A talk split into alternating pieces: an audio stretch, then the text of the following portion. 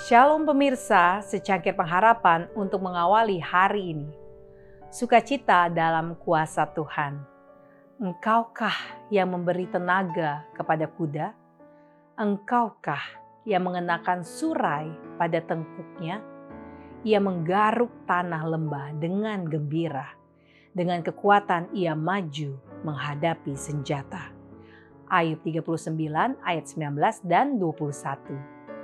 Gerakan-gerakan spasmodis dan gelisah dari beberapa orang yang mengaku sebagai orang Kristen direpresentasikan dengan baik oleh pekerjaan kuda-kuda yang kuat tetapi tidak terlatih.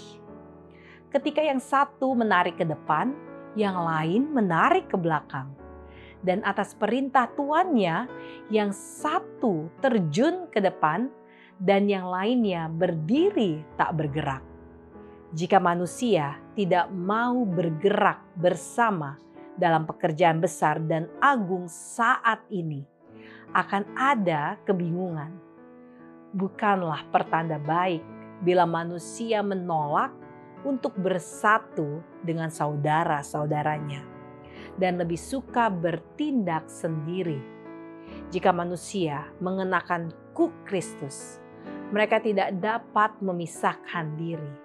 Mereka akan menarik bersama Kristus. Beberapa menarik dengan semua kekuatan yang telah diberikan Tuhan kepada mereka. Tetapi mereka belum belajar bahwa mereka tidak boleh menarik sendiri Gantinya mengasingkan diri, biarkan mereka menjalin keharmonisan dengan sesama pekerja. Kecuali mereka melakukan ini, aktivitas mereka akan bekerja pada waktu yang salah dan dengan cara yang salah. Mereka akan sering bekerja berlawanan dengan apa yang Tuhan akan lakukan, dan dengan demikian pekerja mereka lebih buruk daripada sia-sia.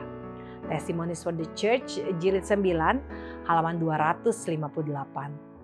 Tuhan adalah perwujudan dari kebajikan, belas kasihan, dan kasih. Mereka yang benar-benar terhubung dengannya tidak dapat berselisih satu sama lain rohnya yang memerintah dalam hati akan menciptakan keselarasan, kasih, dan kesatuan.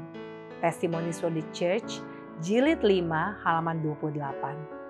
Yesus telah memungkinkan Anda untuk menerima kasihnya dan dalam kerjasama yang bahagia dengannya untuk bekerja di bawah pengaruhnya yang harum. Testimonies for the Church, jilid 9, halaman 50. Demikianlah renungan kita hari ini. Selalu mulai harimu dengan secangkir pengharapan.